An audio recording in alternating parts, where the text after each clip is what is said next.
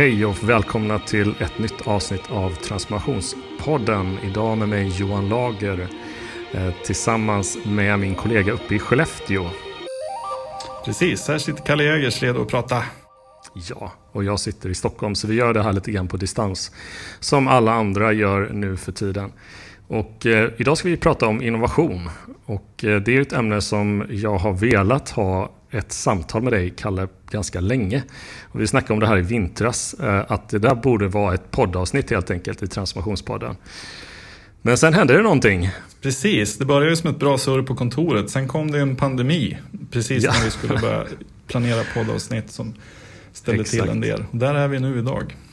Ja, och då har vi ju faktiskt funderat på att det här begreppet innovation och eh, det vi pratar om i den här podden, digital transformation, eh, har ju fått liksom lite, ja, det har samma innebörd men, men det, det, det, har nya dimensioner helt plötsligt på grund av att den här pandemin har pågått. Och inte bara hur, vad som har hänt i Sverige men, men runt om i hela världen.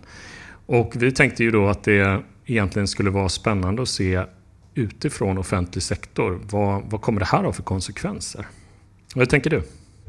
Ja, precis. Och det, jag tycker man har ju, i det läget vi har varit så har vi sett att, att dels har det ju exploderat fullkomligt. Eh, hastigheten i innovation och innovationstempo i offentlig sektor, men även i privat sektor nu liksom under mm. den pågående krisen. Eh, sånt vi har tvingats göra på liksom jättekort tid som vi kanske hade planerat att göra på en tre fyra års sikt. Mm. Liksom. Det måste vi lösa här och nu på ett par dagar. Mm. Eh, dels har vi ju sett det, sen blir det ju också någonstans en insikt efter ett tag man har varit i krisläge. Liksom, krisen slukar hur mycket resurser som helst. Eh, vi tvingas liksom ställa om vårt fokus på att hitta lösningar på de här stora problemen som vi måste lösa här och nu. Det gör ju också att liksom, en massa uppdämda behov kommer att behöva adresseras när den här krisen är över. Eh, och där kommer vi ju ofta upptäcka att vi inom offentlig sektor inte har råd att gå tillbaka till det vi gjorde innan. För då kommer vi aldrig ha en chans att komma ikapp. Liksom. Så det är ju någonstans som alla andra sådana här stora omvälvande krislägen så är det ju en, en innebär ju också en otrolig eh, aktivitet inom innovationsområdet.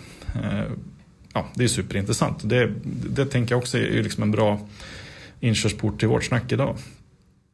Jag pratade med en kollega, eh, Tobias, här, och han pratar om att beteendeförändringen som vi brukar prata om, eh, som har, liksom, hos medborgarna och konsumenten, som har pågått väldigt, i en väldigt eh, snabb takt de senaste åren.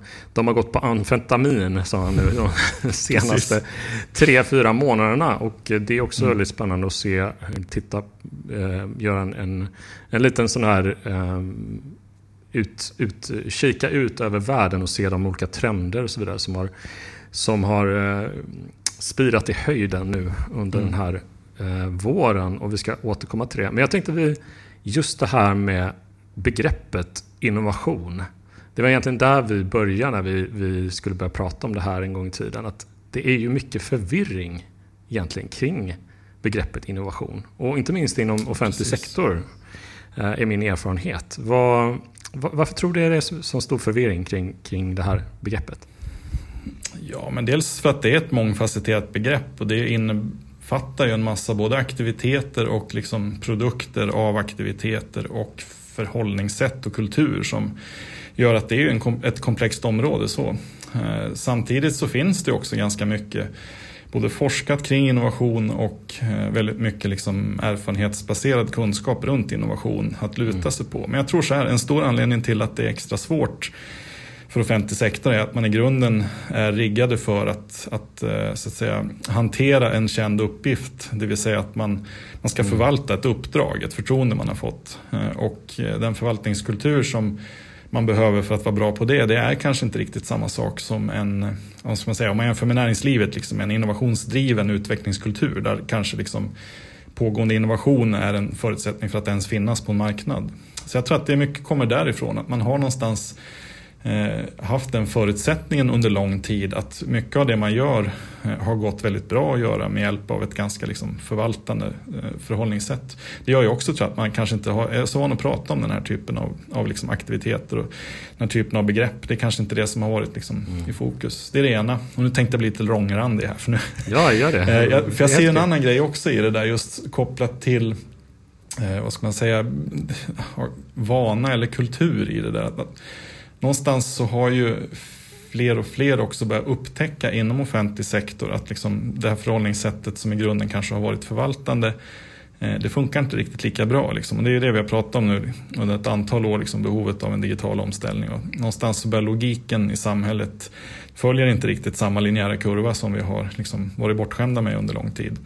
Och där blir det ju en krock, eh, vilket gör ju någonstans att är man ovan vid att liksom prata om de här begreppen, är man ovan att jobba i de här processerna, så är det klart att det blir förvirring när man måste ge sig in på det området. Och det finns mycket att lära och upptäcka och, och det är inget enkelt område. Sådär. Eh, men det finns ju ändå några så grundbegrepp som man skulle kunna liksom använda sig av för att och reda ut vad, vad det egentligen är. Och det tänker jag att det är något vi borde prata lite om idag. Mm. Nej, men jag, jag, ser det också där att, att man har precis som du säger, den där krocken att, att eh, regeringen har börjat driva på att regioner och myndigheter måste vara mer innovativa. Och då vet man inte riktigt vad det innebär för att det är en sån stor skillnad på innovation och innovationsarbete i, i näringslivet och offentlig sektor. Uh, och nu, nu, nu, hoppar jag lite fram här för jag tänker att mm. just vad jag också funderar kring just begreppsförvirringen är ju det här att om man brukar säga det, när man går in i ett rum med tio personer och frågar vad innovation är så får du ungefär tio olika svar. Och en del pratar om att då, det handlar ju om forskning eller det handlar om ny teknik eller det handlar om väldigt, väldigt udda idéer. Mm. Uh, men det är ju inte riktigt hela uh, det, det, är en del av sanningen kan man säga, eller det kan vara en del av sanningen. Men det, det, jag tycker att problemet är kanske lite grann att man fokuserar på på det stora omvälvande och inte Precis. på eh, värdeskapande. För om man tittar på de typer av eh, definitioner som, som vi brukar använda eh, och som cirkulerar även omkring i offentlig sektor så, så pratar man om att det, det är en, ett, eh, ett lyckat genomförande egentligen av en, en idé som skapar ett, ett ökat värde. Och om man ska vara, vara riktigt sådär konservativ så ska man gå tillbaka till, till begreppet, eh, eller till ordet, var det kommer ifrån, innovation. Eh, och det är naturligtvis från latin. vet du vad det... Klart. Kalle, vet du, vet du vad det betyder på latin? Har du, Nej. Har du koll? det är så skönt ja. att prestigelöst kunna säga det. Nej, absolut Nej. inte. Nej, men det betyder förnya på ja, latin. Så det kommer från det. Eller man kan prata om förnya eller förbättra. Och istället jag gillar tanken kring att istället för att fokusera för mycket på vilken, eh, vilken teknik eller vilken forskning, om det är en uppfinning eller om det är någonting väldigt, väldigt radikalt, så ska man egentligen titta på, har det här förnyat värdet? Alltså har det här skapat Precis. en förändring eller en förbättring? Och har den eh, eh förbättringen då som, som innovation gör i, den, i, i, i, de stora exemplen på något sätt så gör det det att det, gam, det gamla sättet vi har gjort det på blir på sätt eh, eh, inte relevant längre på sikt. Alltså det, mm. det tar över. Eh, och traditionellt om man pratar i näringsliv så handlar det om entreprenörer som kommer in på en marknad som är på ett visst sätt och förändrar den och tar olika typer av, av eh, marknadsandelar för att de skapar ett värde som är alldeles för bra för att eh, marknaden inte ska börja välja det istället. så att säga. Mm. Och även traditionellt sett om man pratar om de här olika värdena och hur man mäter det så, så, skulle man ju då liksom prata om att ja, det handlar om en ökad vinst eller ökade marknadsandelar. Det är ju lite för enkelt att prata om nu och det går ju definitivt inte att översätta till offentlig sektor. Utan eh, även nu när vi pratar i ett hållbart samhälle så, så pratar man helt andra typer av, av, av värden av innovation och det måste man ju också kunna vara överens om inom offentlig sektor, tänker jag. Vad, vad i grund och mm. botten är det för nytt värde vi, vi, vi skapar helt enkelt? Ja, precis. Och där, jag tror att just värdedimensionen är där man kan liksom börja om man vill förstå skillnaden mot innovation och vad som inte är innovation. Att ja. någonstans, vi kan göra väldigt många nya saker eh, som ibland också gör att vi liksom eh, Eh, vi bibehåller eller bevarar ett existerande värde. Vi blir lite bättre på att göra något som vi redan vet är värdefullt men vi skapar kanske inget nytt värde för någon. Och det är också viktigt, eh, man kan ha lite olika förhållningssätt kring det där men vi som är vana att jobba liksom användarcentrerat utifrån liksom mänskliga behov i grunden så där finns ju en nyckel till att förstå innovationsbegreppet också. Liksom att med det Absolut. sättet vi ser på det så handlar det om att vi, vi skapar ett nytt värde för någon människa, som, ett värde som inte den människan hade tidigare helt enkelt. Mm. Då har vi gjort en innovation. Mm. mm. Men då kommer vi också in på liksom, vad är en innovation? Då? Vad, vad, blir liksom, vad är det begreppet ska försöka beskriva? Mm. Uh, och där, vi har varit inne på det tidigare i podden. Här. Jonas har haft en del utläggningar om det och vi har skrivit lite om det. Men jag skulle ändå vilja repetera för jag tycker att det finns mycket i det som hjälper en att sortera. Liksom, att, uh, för det första så är ju inte gränserna mellan olika saker så exakt knivskarpa. Det är inte binärt om någonting är en innovation eller inte. Nej. Det finns ju först och främst två typer av innovation. Liksom att vi har ju både så att säga, inkrementell innovation, sånt som är det Christensen som beskriver det som någon slags sustainable, att man, liksom, man utvecklar någonting med hjälp av innovationsmetodik för att bevara värdet i det. Liksom. Mm, mm. Eh, sen har vi ju den här som sticker iväg, den innovationen vi oftast tänker på, liksom man får så bilder i huvudet av uppfinnarjockar och sådana som gör något mm. helt revolutionerande nytt. Liksom, den här icke-linjära innovationen, det som verkligen bryter av och skapar ett, ett radikalt nytt värde, ett större, mycket större värde kanske än det vi hade innan. Eh, så det är ju det första att kunna liksom sortera och hålla den tanken i huvudet samtidigt som jag tror att det är jätteviktigt också att förstå att eh, Innovation handlar i slutändan om att det, blir ett resultat. Innovationen ja. är resultatet av det vi gör. Ja. Det är inte liksom metoden vi använder eller att vi jobbar med metoden som är innovation i sig. Utan innovation uppstår inte förrän det där resultatet finns och faktiskt kan skapa ett värde. Mm. Det är då vi precis, har uppnått precis. en innovation. Sen mm. vägen dit består ju av innovationsmetodik. Vi jobbar ju med innovationsmetodik för att ta fram det här nya värdet. Eh, och när vi jobbar med den metodiken då bedriver vi liksom ett innovationsarbete.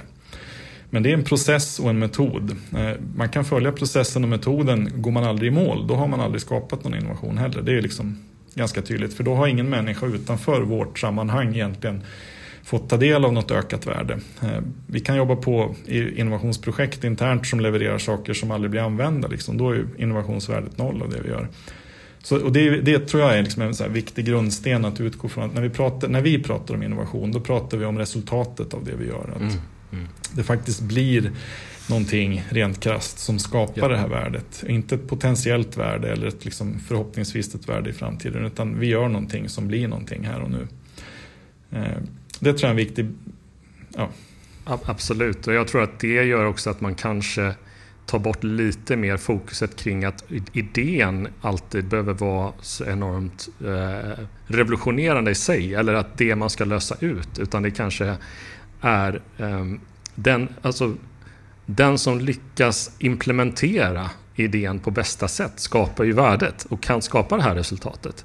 Exakt. Eh, så lika stor del av innovationsarbete att eh, hitta på någonting eller använda en ny teknik och så vidare är att lyckas eh, bygga en organisation och ett, ett arbete som faktiskt gör att, att det blir nytta. Och många menar ju det att egentligen om man tittar på en innovation eller någonting som har skapat det här värdet så, så har kanske eh, idéerna eller, eh, eller till och med produkten eller tjänsten redan funnits men varit väldigt dåligt implementerad helt enkelt. Och Precis. så kommer det någon, någon person som lyckas egentligen implementera det bättre och då, då, då har den här innovationen, det här resultatet skett egentligen. Mm. Eh, och det tror jag kan bli ett litet ett, ett, ett ett uh, mindshift, eller man säger, uh, lite, lite svengelska här. Men uh, att man liksom förstår det att, att ja, men det handlar faktiskt om att, att, att värdet det skapar är, är viktigare än, än det unika egentligen som man gör ibland. Även om det är Även om naturligtvis de problem och utmaningar vi har behöver nya typer av lösningar så är det, så är det minst lika viktigt att prata om att, att ett, det, det, det goda genomförandet är en väldigt stor del mm. av ett innovationsarbete. Precis, så där, det blir också en viktig skillnad där att göra. Liksom att, jag tror att man ofta lätt också går i fällan att tänka sig att innovation måste alltid ha en extrem innovationshöjd. Det vill säga det vi gör ska vara fruktansvärt unikt och aldrig gjort tidigare. Eh, och ja, i vissa fall så är det ju så, vill man ha en väldigt stor effekt så krävs det ju i många fall att man gör någonting mm. med stor innovationshöjd. Men det för den skull innebär ju inte att man inte ska göra de små innovationerna med lägre höjd. Liksom det, det kanske inte är liksom en jättestor revolutionerande innovation att liksom, eh, automatisera löneprocessen med hjälp av en robot inom offentlig sektor. Det med, den typen av automatiseringar är kända. De går att göra, gjorda tidigare. Det är inte så att man är först i världen med att göra det. Men värdet, liksom det inkrementella värdet av att göra det kanske stort där och då i organisationen. Vilket gör att liksom värdet för organisationen är relativt eh, viktigt att skapa även om innovationshöjden inte är jättehög. Eh, men å andra sidan, då är det lätt också att, att gå i fällan att bara fokusera på de här eh, lättskapade värdena som följer liksom en, någon slags linjär process. Ja, men det är samma löneprocess i grunden, det är samma sätt att se på värdeskapande men vi gör det lite bättre med en robotinnovation. Eh, det kommer ju inte att radikalt förändra någonting eh, i organisationen. Det kommer att skapa en god effekt, ja, men det, kommer inte, det är inte ett exempel på, liksom, hävdar jag i alla fall, en icke-linjär innovation. En icke-linjär innovation det är när vi radikalt förändrar vårt arbetssätt eh, och kanske har en chans att få liksom en, en massiv stor effektförbättring också. Eller rättare sagt en, värde, en värdeökning som är liksom på den nivå som jag tror att många kommer att behöva skapa nu också efter den här krisen som vi är inne i. Mm. Mm. Ja, men jag kommer direkt att tänka på den här treboxmodellen som vi har snackat så eh, många gånger om och den här eh, författaren bakom den här eh, modellen som du är mycket bättre på att uttala så du får göra det istället. Men... Jag får skämmas för mitt felaktiga indiska-amerikanska uttal menar jag. Ja. Vijay Govindarajan. Ja, och ni som har Tror lyssnat på vår podd. Ja. ja.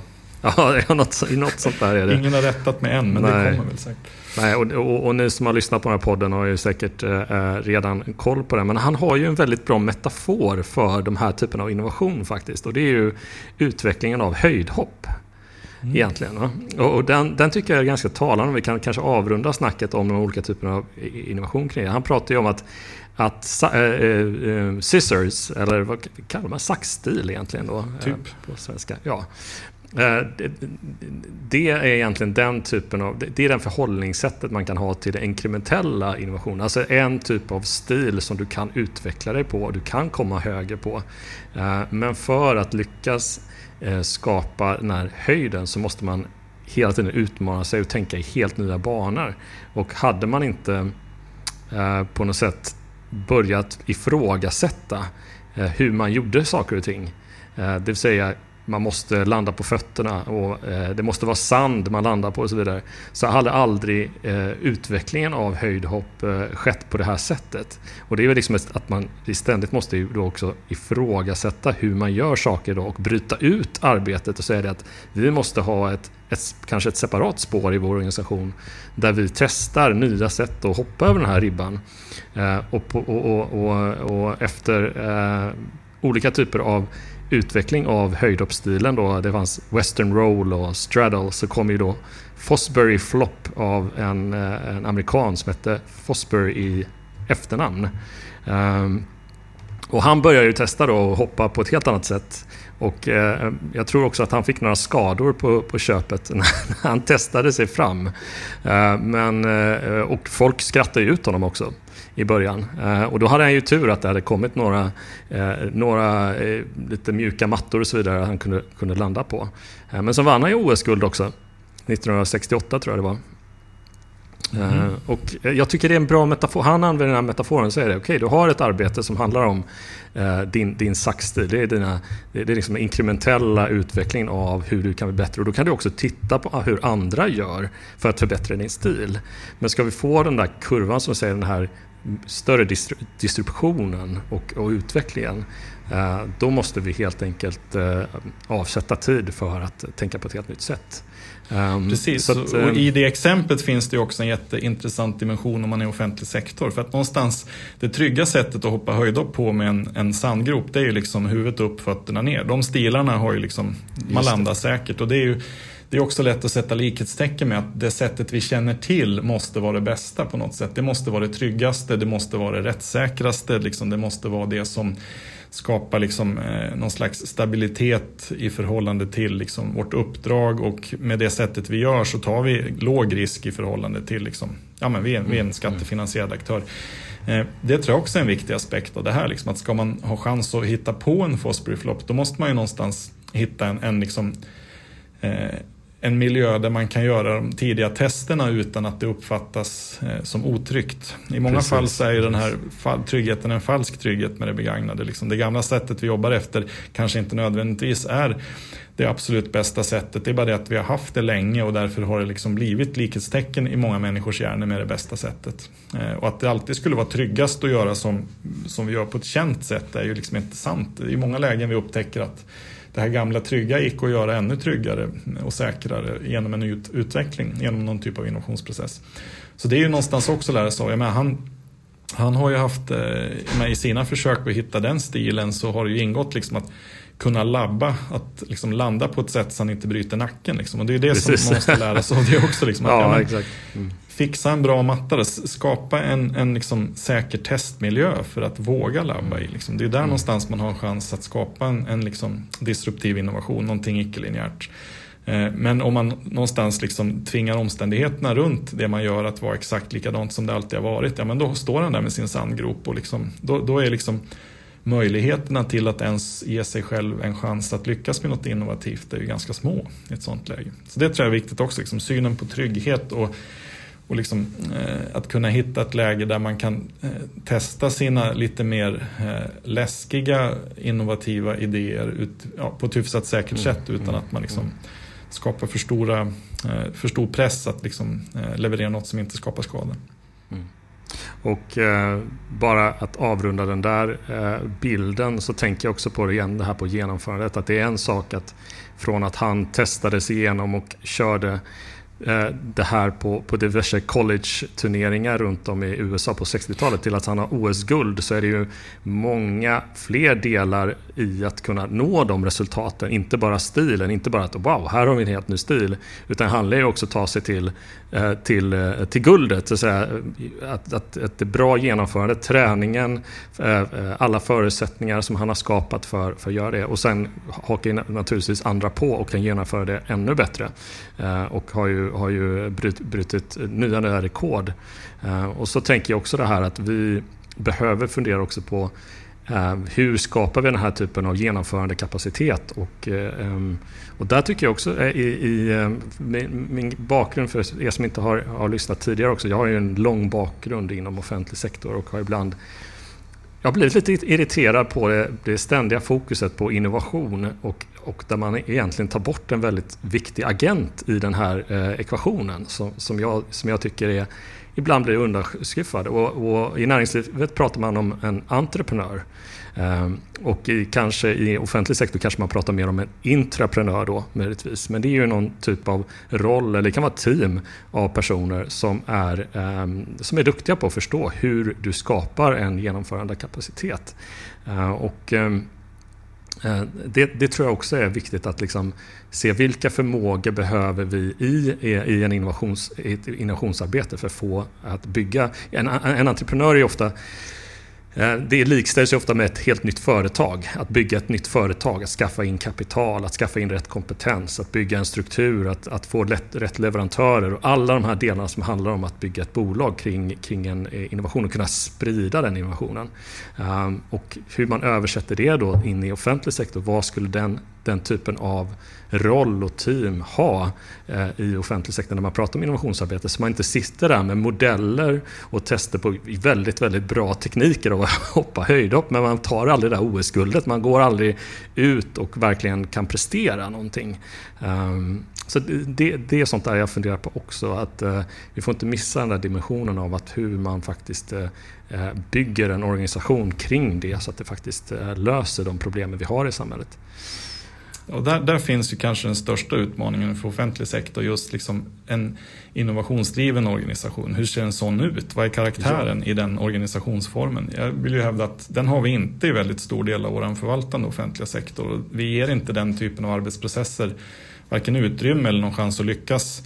Eh, jag tycker ett dagsaktuellt exempel nu liksom under pandemin där vi ser att eh, ja, nu närmaste tiden innan eh, vi hamnade i det här krisläget så såg vi att en ganska stor del, växande del eh, av svenska patienter inom primärvården börjar använda sig av liksom privata nätläkare. Mm, som levererade liksom, eh, och gör fortfarande en typ av liksom distansupplevelse med digital teknik eh, som egentligen kvalitetsmässigt, liksom, det man tillför är att man, man tar ett större fokus på patientens villkor för att skapa en bättre enkel vårdupplevelse i ofta ganska enkla fall också.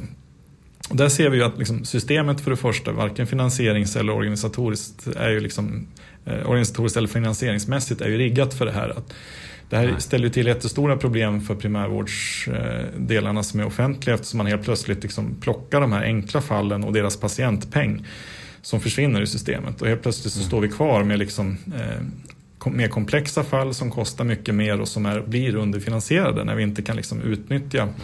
Att vi har båda grupperna i samma utsträckning. Och det, blir, det skapar ju en, en, osäkerhet där, vilket ju är liksom ett finansieringsproblem det intressanta i det här tycker jag, om man tittar på liksom vad, eh, vad vården har forskat på, eh, om vi tittar tillbaka 20 år från nu, så jag vet inte hur många mm. superintressanta telemedicinprojekt till exempel som ja, har genomförts där man har tagit fram tekniska mm. lösningar som fungerat alldeles utmärkt. Det fanns redan i slutet av 90-talet och början på 2000-talet så liksom var man så långt framme att man har ju löst det här egentligen. Det är inget mm. problem kvar att lösa. Offentlig sektor var ganska tidig att faktiskt lösa telemedicinproblemet. Det vi mm. aldrig har lyckats med är ju sen att förvalta lösningarna. Mm. I regel så har det ju slutat med att ja, men okej, nu har den här regionen eh, tagit fram den här lösningen med hjälp av ett universitet och med någon teknikleverantör. Vi har testat saker, vi har prototypat, vi har hittat något som faktiskt funkar. Och vi har inte lyckats förvalta det sen eller skala upp det. Och det är där liksom, när entreprenörsrollen ja. kommer in. Det är precis som du säger. Men det, är inte så att kunskapen saknas eller tekniken eller liksom modet att forska fram det. Liksom. Man mm. har modellen för det i många fall. Det handlar mer om att, okej, okay, vad är det där mm. sista steget? Ja, förvaltningsstrukturen som finns, den har ingen plats för det här nya. Alltså blir det inte av. Där finns ju utmaningen i det offentliga. När man faktiskt gång efter annan tar fram bra nya innovationer så är man mm. extremt svag just nu, vill jag hävda, på att faktiskt växla ut dem och växla upp dem. Det, det, blir, det är en kulturskillnad där som gör väldigt mycket problem runt det. Man har noll vana av den typen av entreprenörskap. Eh, och i vissa fall så motarbetar man det aktivt eh, under eh, förespeglingen att liksom, jo men vår roll och vår uppgift är inte att ta risk med skattebetalarnas pengar på det här sättet. Vår uppgift är att liksom på ett rättssäkert och tryggt sätt förvalta vårt uppdrag. Även om det innebär att vi jobbar på ett arbetssätt liksom som kanske inte är hållbart i längden. Mm. Så det, där, det, det, tycker jag, liksom, just det exemplet med telemedicin visar ju på liksom hur extremt svårt det har varit inom offentlig sektor. Att till och med när man lyckas ta fram väldigt bra saker, att, att liksom förverkliga värdet av det. Mm. Uh. Nej, men det får mig att tänka på hur, uh, hur viktigt då dimensionen av, att, av spridning och eh, uppskalning egentligen är i den här processen för att det här värdet ska kunna ske.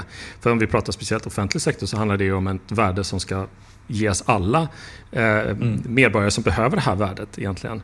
Och om, om, vi nu sitter på massa otroligt bra idéer, tekniker och lösningar så blir ju inte de egentligen innovationer förrän de har skapat den här förändringen i samhället.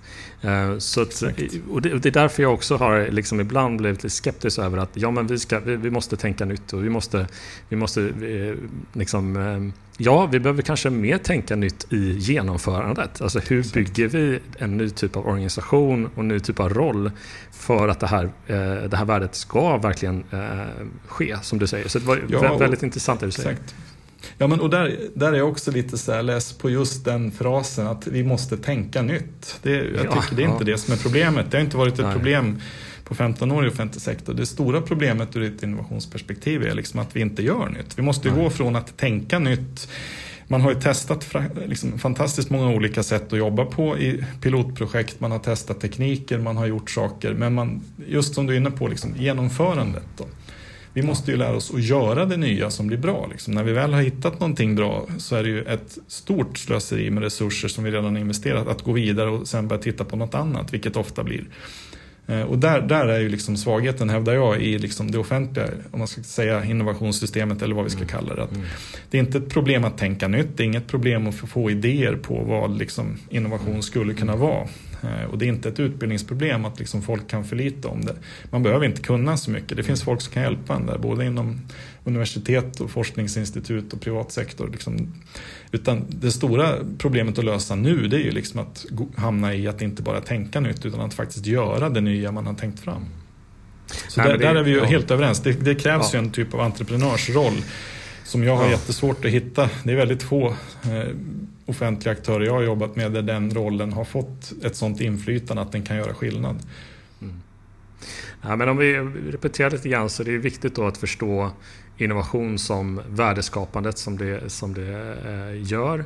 Det är också viktigt att eh, förstå att genomförandet är A och O för annars blir det bara bra idéer. Det är inte där bäst idé, häftigast idé vinner utan det är bäst genomförande och bäst spridning egentligen som, som vinner som gör att den här förändringen och transformationen kan ske. Men jag tänkte vi skulle då också gå, gå, gå in på då, det vi pratade om i början, då, dagens läge. Alltså vad som, sen vi började den här idén om att spela in podden tills vi sitter här idag och den enorma accelerationen av beteendeförändring som olika typer av innovationer har skapat. Och, ehm, och många av dem är inte någon rocket science egentligen. Utan det är på grund av att vi har satts i nya situationer så har eh, områden och vissa företag eh, liksom ökat sin tillväxt eh, något, något radikalt på grund av att de faktiskt har ett väldigt bra genomförande. Eh, och det, det, tycker jag är väldigt intressant och, och, även hur det här också påverkar offentlig sektor. Um, vi har eh, gjort lite research inför det här um, poddavsnittet och tittat på liksom, uh, att det finns några, alltså jag tänkte att vi ska dra dem, det finns några områden just nu eh, där eh, accelerationen av beteendeförändring och eh, innovation och eh, ja, eh, har, har liksom fått en helt ny dimension runt om i världen. Eh, och då har vi bland annat utbildning. På grund av att det är väldigt, väldigt många barn som, som inte får sitta i klassrum längre utan de får sitta hemma och få, få undervisning. Vi har, eh, och naturligtvis kopplat till det så är det hela sättet vi arbetar på. Eh, eh, globalt har förändrats för väldigt många människor genom att de inte har fått, kunnat gå till, till ett jobb och de är tvungna att sitta, precis som du och jag Kalle, till stor del sitta själva vid, vid vår, vår dator och göra allt jobb. Um, vi har eh, eh, e-handel naturligtvis eftersom folk eh, i mycket större grad har behov att få varor hem till sig och olika tjänster, mat. I de många länder där man inte har en tvättmaskin hemma så kanske man behöver få tvätten gjord och inte lämna sin lägenhet. underhållning, inga konserter, inga biografer öppna. Eh, och där händer det otroligt mycket för att eh, kunna liksom stimulera den ekonomin. Ehm, och även, eh, vi kan ta en sista då, är ju hur man betalar för saker. Inte bara att, att just betalning via sin telefon eller sådär har, har ökat, men också att i vissa länder så säger man att ja, men vi vill inte ha kontantbetalning för vi tror att det, det kan sprida smitta helt enkelt. Eh, och jag tänkte jag eh, få din, din reflektion kring det här. Eh, vad, vad, vad, tänker du på när du hör att, och, och, och, vet vad vi har gått igenom det här? Vad, vad ger det här för konsekvenser egentligen? Mm. Ja, dels, först och främst så tycker jag att det är superintressant för att väldigt mycket av det som vi skalar upp nu är ju sånt som fanns innan krisen men som vi nu tar till för att lösa problem i krisen. Det, det är ingen som har liksom nyuppfunnit videokonferenser. Det är inte Nej. det som gör att Zoom sticker iväg på börsen och är värd hur mycket som helst just nu. Ja. Eller har liksom ökat sin användarfrekvens med flera hundra procent. Liksom. Mm. Så att lösningarna fanns ju där. Eh, det vi har tvingats göra det är ju liksom förändra ett beteende på väldigt kort tid av hårda skäl. Eh, ingen vet ju heller liksom hur, stor blir, hur lång blir effekten. Liksom var är det vi saknar saker som vi faktiskt vill ha tillbaks? Eh, som vi kommer att kunna få tillbaks och återgå till. Mm. Vad är det vi upptäcker i det här är liksom någonting som var bättre än det vi hade. Eh, en intressant, den kanske mest intressanta aspekten tycker jag, det är ju utifrån ett offentligt sektorperspektiv är ju eh, det finns ju hur man än ser på det inom skolan. Eh, och jag tycker även inom vården är det ett rätt intressant fält att liksom betrakta utifrån nu. Dels har ju skolan hävdat av pedagogiska skäl ibland från lärarkåren av administrativa skäl ibland och framförallt att man liksom sitter och betalar för lokaler i stor utsträckning, speciallokaler som egentligen bara går att ha skola i betalar man i många kommuner någon slags marknadspris för i hyra till ett annat kommunalt. Liksom, man slussar egentligen, rent krasst om man vill vara elak, man slussar eh, en statlig skolpeng via sin eh, skolhyra in i en annan kommunal budget så man kan utnyttja de pengarna lite friare. Det är det elaka sättet att se på det. Det andra är att se att man någonstans har valt den, den liksom driftsmodellen för det. Men hur som i vilket fall så är ju skolan ett lysande exempel på där vissa elever har fått det oerhört mycket bättre och lär sig mycket mer mm. när de får jobba med en studieform som passar dem bättre. En stor massa av elever eh, hittills verkar ha klarat av ganska bra liksom, på gymnasienivå också att, att liksom, eh, åtminstone i Sverige liksom, hantera distansundervisning och många uppskattar det. Eh, jag tycker att det är fascinerande också att man i många kommuner ändå har tvingat lärarna att vara på skolan. Mm. Man har liksom halvvärt digitaliserat eh, mötet mellan lärare och elever men man har inte riktigt haft den tilltron till att lärarna kan jobba eh, var som helst även om eleverna kan göra det.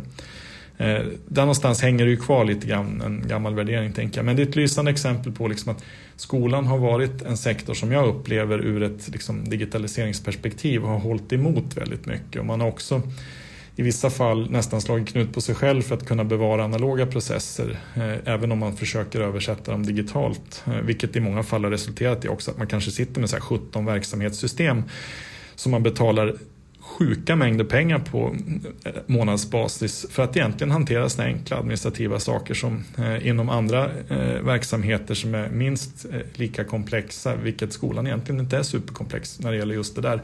Men att bara hålla koll på vart människor ska vara, lokaler och tider, det är ju sånt som man löser till en oerhört mycket lägre kostnad inom många andra organisationer, både offentliga och privata.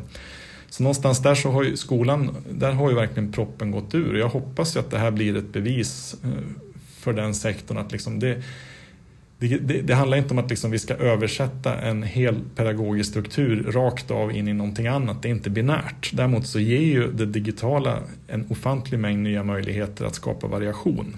Mm.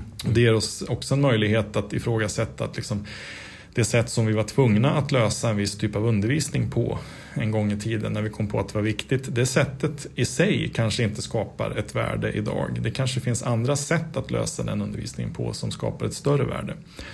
Eh, och där, där tycker jag blir jätteintressant att se vart, vart skolan hamnar efter det här. För jag tror ju att åtminstone på elevsidan så är det ju många som har upptäckt det man redan har kört. Och det här är också intressant. I universitetsvärlden så har den här typen av distansundervisning fungerat i lite drygt tio år.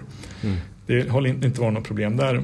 I många fall så fungerar det jättebra med studenter som på vårterminen går ut gymnasiet och inte skulle klara av då digital undervisning. På höstterminen påbörjar en digital utbildning på ett universitet och det har gått alldeles utmärkt. Men så här har vi haft det i tio år minst. Eh, så att någonstans där så är det, jag, jag tänker att eh, det kommer att vara en ganska jobbig process för skolan om man ska försöka återgå rakt av till hur det var innan. Just det. Eh, Just det. Och det blir superspännande att se hur den sektorn utvecklas efter det här. Ja, för vi har ju olika, bara för att flika in lite grann, vi har ju som mm. sagt var, vi, vi, vi, ett sätt att se det på det som jag sa, att, att vi har trender och förändringar av, av, av beteenden som pågår hårt. Och jag, jag, ska lägga till en av de här som jag, den var så uppenbar att jag inte sa det, men du, du nämnde det tidigare om e-hälsa, att träffa läkare online eller, eh, alltså det händer ju mycket även för att bromsa epidemin och så vidare naturligtvis.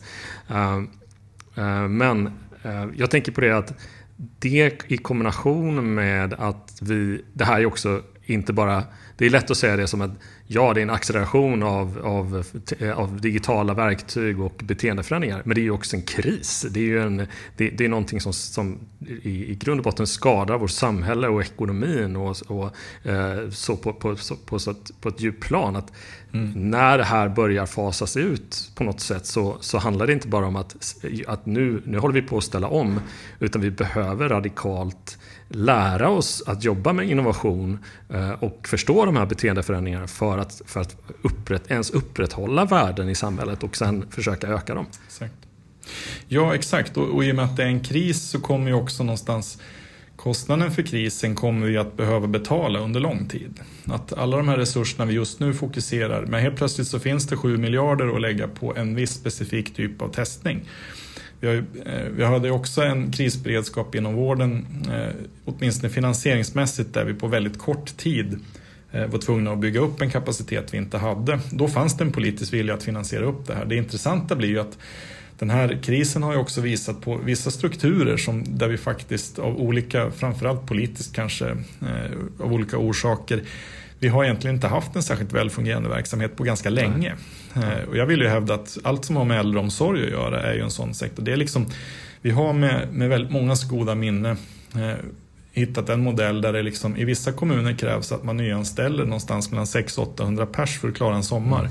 Och man vet att av de här som kommer in nu så kommer majoriteten inte att vilja vara kvar när hösten kommer. Mm. Vi har ju som skapat processer för att hantera människor i samhället som egentligen inte är hållbara. Liksom. Mm. Och det intressanta blir ju vad som händer då eh, inom den sektorn efter en sån här kris. När vi då måste någonstans återgå till ett läge där vi också måste ta kostnaden för det här. Mm. Om vi redan innan krisen egentligen kanske inte hade en så välfungerande och rätt finansierad verksamhet som vi kanske Nej. borde haft blev ju också krisen värre kanske inom äldreomsorgen exempelvis. Det vet vi inte, det får man ju se sen när, när utvärderingarna är gjorda. Men det här är ju ett fantastiskt eh, tillfälle också ur ett innovationsperspektiv. Eh, jag tänker så här att den typen av vård vi kommer att behöva utföra, om vi tittar på liksom, oavsett om det är äldreomsorg eller annan vård. Det, men det finns en vårdskuld nu som vi har byggt upp på ganska kort tid. Mm. Eh, vi kommer att behöva hitta ett ganska radikalt nytt sätt att organisera upp vår vård på. Eh, det sättet vi har jobbat nu där väldigt mycket har där det är lätt att sparka på Karolinska som exempel på vad som händer om man liksom överbyråkratiserar utifrån egentligen helt fel grund om man tänker sig någon slags industriellt förhållningssätt till att jobba med människor. Men mm. om man liksom in, väljer att inte göra det för mycket nu, det har redan gjorts, så kan man ändå se att det, det kommer att krävas radikalt nya lösningar på hur vi ska jobba för att tillgodose vård och omsorgsbehovet som kommer att finnas nu. Vi kommer inte vara i närheten av att ha de resurserna eh, som krävs för att jobba på som vi alltid har gjort. Och det visste vi om innan krisen också. Det finns inte det skatteunderlaget de kommande åren. Vi kan inte organisera upp vård och omsorg på det sättet vi har gjort. Och att vi har organiserat på det sätt vi har gjort, det har ju skapat de arbetssätt vi har också. Mm. Så den, den sektorn kommer ju nu till följd av den här krisen att radikalt och på ganska kort tid tvingas uppfinna nya arbetssätt som håller samma kvalitet eller bättre som de andra som fanns tidigare.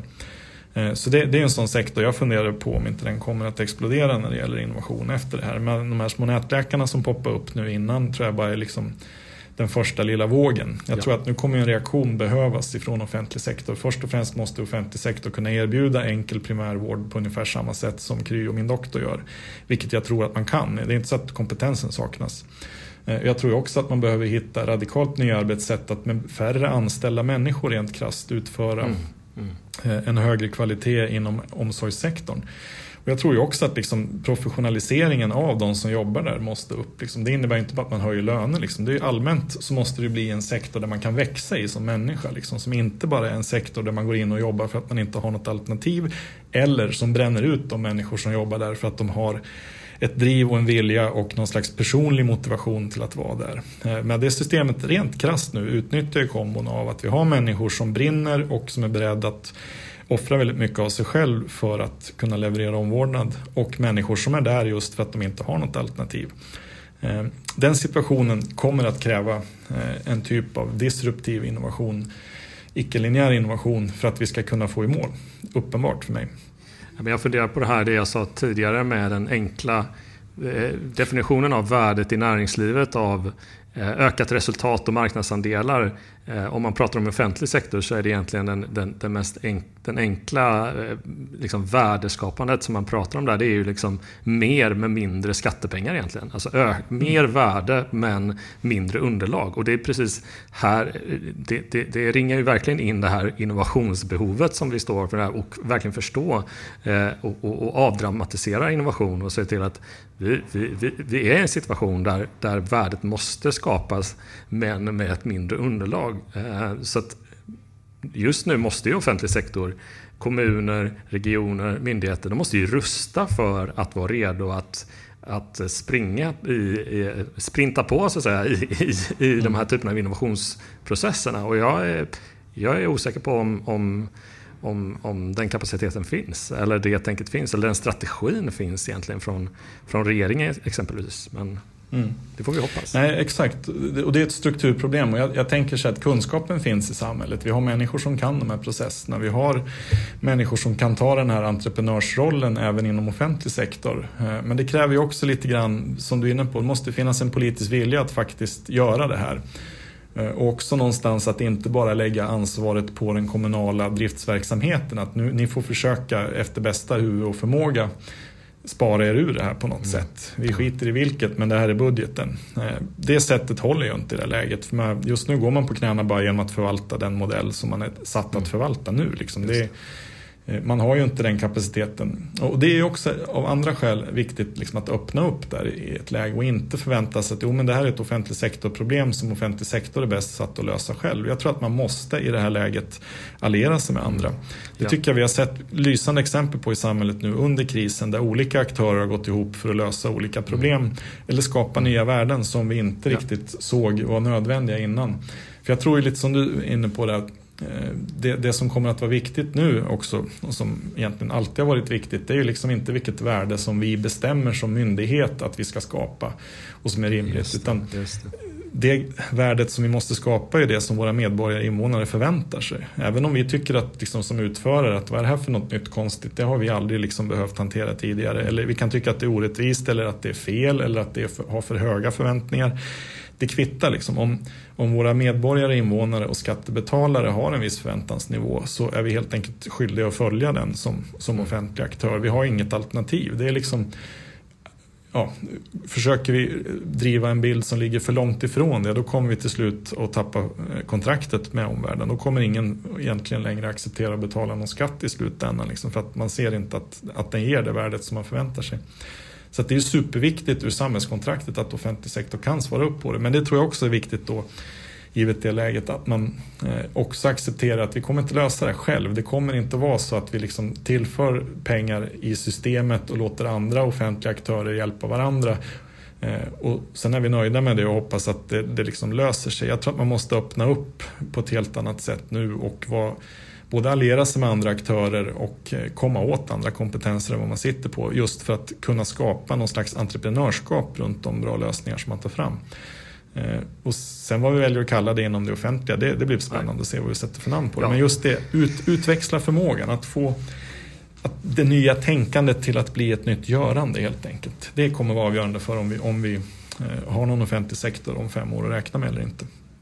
Nej, men man får ju försöka, jag försöker hålla mig väldigt positiv också, eller försöka se de här olika möjligheterna som finns och att jag tror också att människor just nu känner att, att enkelheten, att någonting blir enklare för dem eh, är enormt mm. viktigt och att många saker kanske eh, eh, de, man har öppnat upp, liksom, som vi säger, den här beteendeförändringen handlar om att nu, nu, nu kan vi på något sätt eh, vara mer mottagliga för rätt enkla lösningar. Så länge bara eh, offentlig sektor skap, börjar skapa dem och, och, och, och skeppa dem så att säga. Vi hade ju det här avsnittet Ship the, Ship the Shit tidigare, jag och Petter här också, om att liksom försöka mm. gå ut, gå ut och, och pröva nya lösningar. Försöka se och få, få lite bevis på vad som kommer funka och sen börja, börja skapa för att lösa det här. Men naturligtvis som du säger, det, det, det är stora utmaningar men också att försöka se de här möjligheterna som ändå har skapats under de här veckorna, eh, månaderna. Ja, och, och, där finns det också ett, ett, ett, ganska enkelt sätt att veta om man gör rätt. Men i det här läget så är det ju inte upp till offentlig sektor att uppfinna vad värdet ska vara.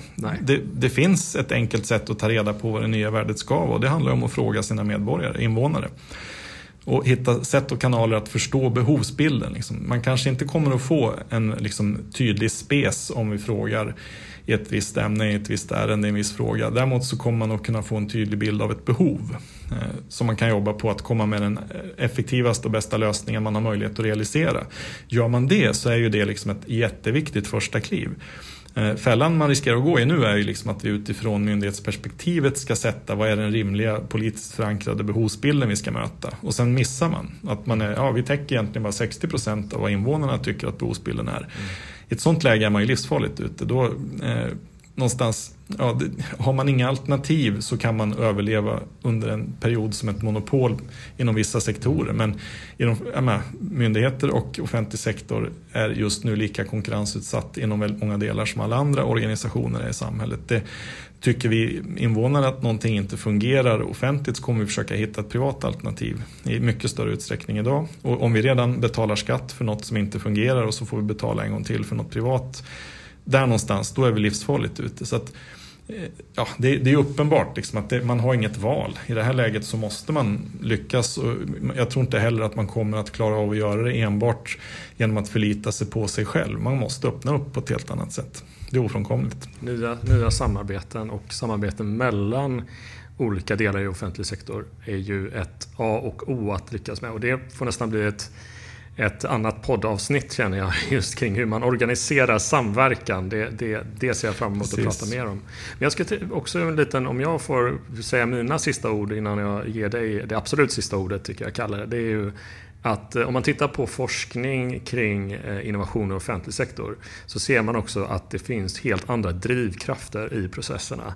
Vilket är väldigt hoppfullt för de processer eller de arbeten som sker i offentlig sektor kring att skapa nya värden drivs av personer med ett intresse att göra samhället bättre först och främst. Och det har också visat sig eh, när förutsättningarna varit rätt att, att det kan, där kan det ske väldigt mycket även om förutsättningarna Eh, naturligtvis aldrig kan bli samma som i väldigt, väldigt flexibla entreprenöriella startups och sånt där så, så har du ändå en, en, en, en, en eh, grunddrivkraft inom offentlig sektor och eldsjälar och människor som, som eh, vill eh, skapa resultat.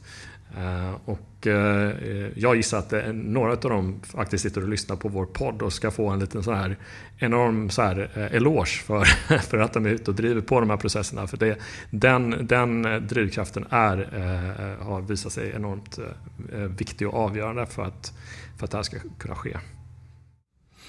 Ja, precis. Om jag ska avrunda mig själv också så tänker jag, jag är lite optimist i det här, precis som du. att Eh, alla de människor jag har stött på de senaste åren inom offentlig sektor. Det finns väldigt många som har ett jättestort engagemang i det här. Det finns väldigt många smarta, begåvade, kompetenta människor som på en förståelsenivå har inga som helst problem att hantera den här frågan. Det, det finns ambition, det finns vilja, det finns eh, en väldigt stor drivkraft. Eh, någonstans Eh, det som måste till nu är ju liksom en, en förlåtande struktur att växla ut det i. Liksom. För jag tror ju inte heller att vägen är... Det är självklart så att offentlig sektor inte ska bedrivas som startup-verksamhet rakt av. Liksom. Eh, det är ju liksom väsensskilda spelplaner i någon mening. Men jag tror ju samtidigt liksom att det, det inte heller måste vara så att man avstår. Eh, och där, ja men, det, det finns det finns ett utrymme där man skulle med väldigt låg risk kunna testa väldigt mycket nytt i genomförandet och faktiskt få väldigt mycket värde skapat med ganska enkla medel. Väldigt mycket handlar om struktur och eh, väldigt lite handlar om människors passion och driv. Så att jag är inte det minsta orolig för den biten. Jag, jag tänker liksom att med alla de kompetenta människor jag har stött på senaste åren inom offentlig sektor så, så är det här, det här kommer vi att lösa, det måste vi lösa. Det, det är liksom, jag ser inget alternativ till det. det, det här kommer att bli skitbra. Det jag möjligen kommer att se en viss frustration hos dem man har stött på eftersom det inte går riktigt så fort som man ser att det behöver gå. Men det är en helt annan fråga. Så jag är optimist. Jag tror att vi kommer i bakvattnet av den här krisen eh, med de stimulanser som behöver ske då så tror jag att vi kommer att se ett jättelyft när det gäller innovationsförmåga inom offentlig sektor de kommande åren. Och med det menar jag, jag tror att vi kommer att få se väldigt mycket leverans. Vi kommer att tvingas hamna i lägen där vi faktiskt gör ett resultat. Någonting som blir något och som realiserar värdet som våra idéer har. Så jag är positiv, jag är optimist i den här frågan. Jag tror det kommer att bli skitbra. Vad bra att vi kunde avrunda den här podden genom ett väldigt eh, optimistiskt och positivt eh, eh, budskap egentligen från oss två. Även om, och vi hoppas ju naturligtvis att du som har lyssnat har fått lite mer såna verktyg att, att kunna liksom prata innovation i din verksamhet och prata genomförande och kanske liksom nysta upp några av de här förvirringarna i den här kristiden kring vad, vad, vad fantastisk innovation och innovationsarbete kan vara. Eh, så att eh, vi lämnar er där för den här gången och eh, hoppas vi kan återkomma och prata mer i den här podden efter sommaren. Så tack för oss!